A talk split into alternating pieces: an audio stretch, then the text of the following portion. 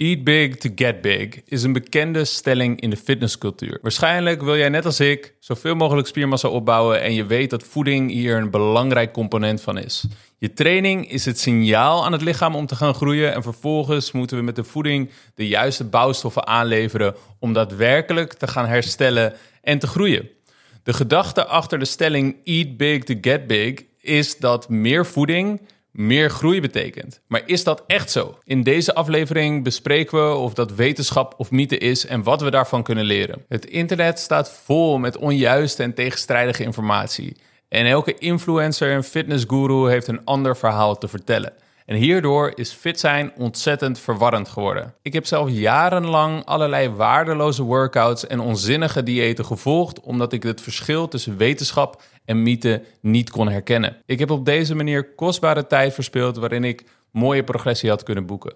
Maar na jaren van vallen en opstaan, verschillende opleidingen, bakken aan zelfstudie en ervaring met meer dan duizend één op één cliënten heb ik een aardig idee van wat wel en niet werkt. Ik ben coach Bernard en ik maak deze content zodat jij van mijn fouten kunt leren en in minder tijd meer resultaat zult zien en hopelijk mij vervolgens een aardige kerel vindt en vaker naar mijn content zult kijken. Dus wil je meer leren over het creëren van een droog en gespierd lichaam? Abonneer je dan alvast op dit kanaal en dan gaan we van start. Welkom bij Project IJzersterk, de podcast waar we mensen met een druk en sociaal leven helpen om fysiek te transformeren. We geven praktische tips voor spiergroei en vetverlies en delen inspirerende verhalen. Laten we samen onze kracht vergroten en ons leven verbeteren. Samen met jou zijn we ijzersterk.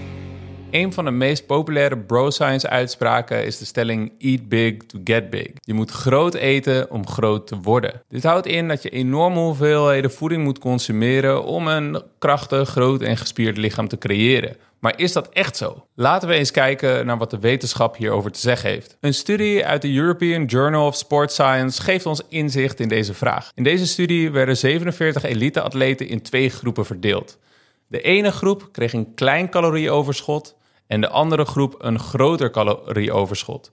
De groep met een groter overschot zat gemiddeld zo'n 620 calorieën hoger per dag. Beide groepen volgden hetzelfde trainingsprogramma voor 10 weken lang en dit was het resultaat. Zoals verwacht was de groep met een groter calorieoverschot een stuk meer gewicht aangekomen. Over de 10 weken heen zagen ze gemiddeld ongeveer twee keer zoveel gewichtstoename. Maar het verschil in spiergroei tussen de twee groepen was zo klein dat het statistisch niet significant bevonden werd. Het grote verschil zat hem dus in de toename van vetmassa. Groep met een groter calorieoverschot kwam meer dan drie keer zoveel vetmassa aan. Dus als jouw doel is om een hoger vetpercentage te krijgen, ja, dan is eat big to get big waarschijnlijk een goed advies. Maar is jouw doel om spiermassa op te bouwen met zo min mogelijk vet, omdat je graag een droog en gespierd lichaam wilt behouden, dan ben je waarschijnlijk beter af met een kleiner calorieoverschot. Spiermassa opbouwen is ook een relatief traag proces, dus het heeft tijd nodig om echt significante resultaten te boeken. Als je met een heel groot calorieoverschot werkt, is de kans groot dat je ja, op korte termijn alweer wilt stoppen met het bulken, met het aankomen, om het overtollige vet te verliezen. Zo doe je hard je best, maar ga je eigenlijk als een soort yo-yo heen en weer zonder echt verder te komen. De stelling eat big to get big heeft waarschijnlijk zijn oorsprong bij bodybuilders en mogelijk zelfs bodybuilders die anabolen gebruiken.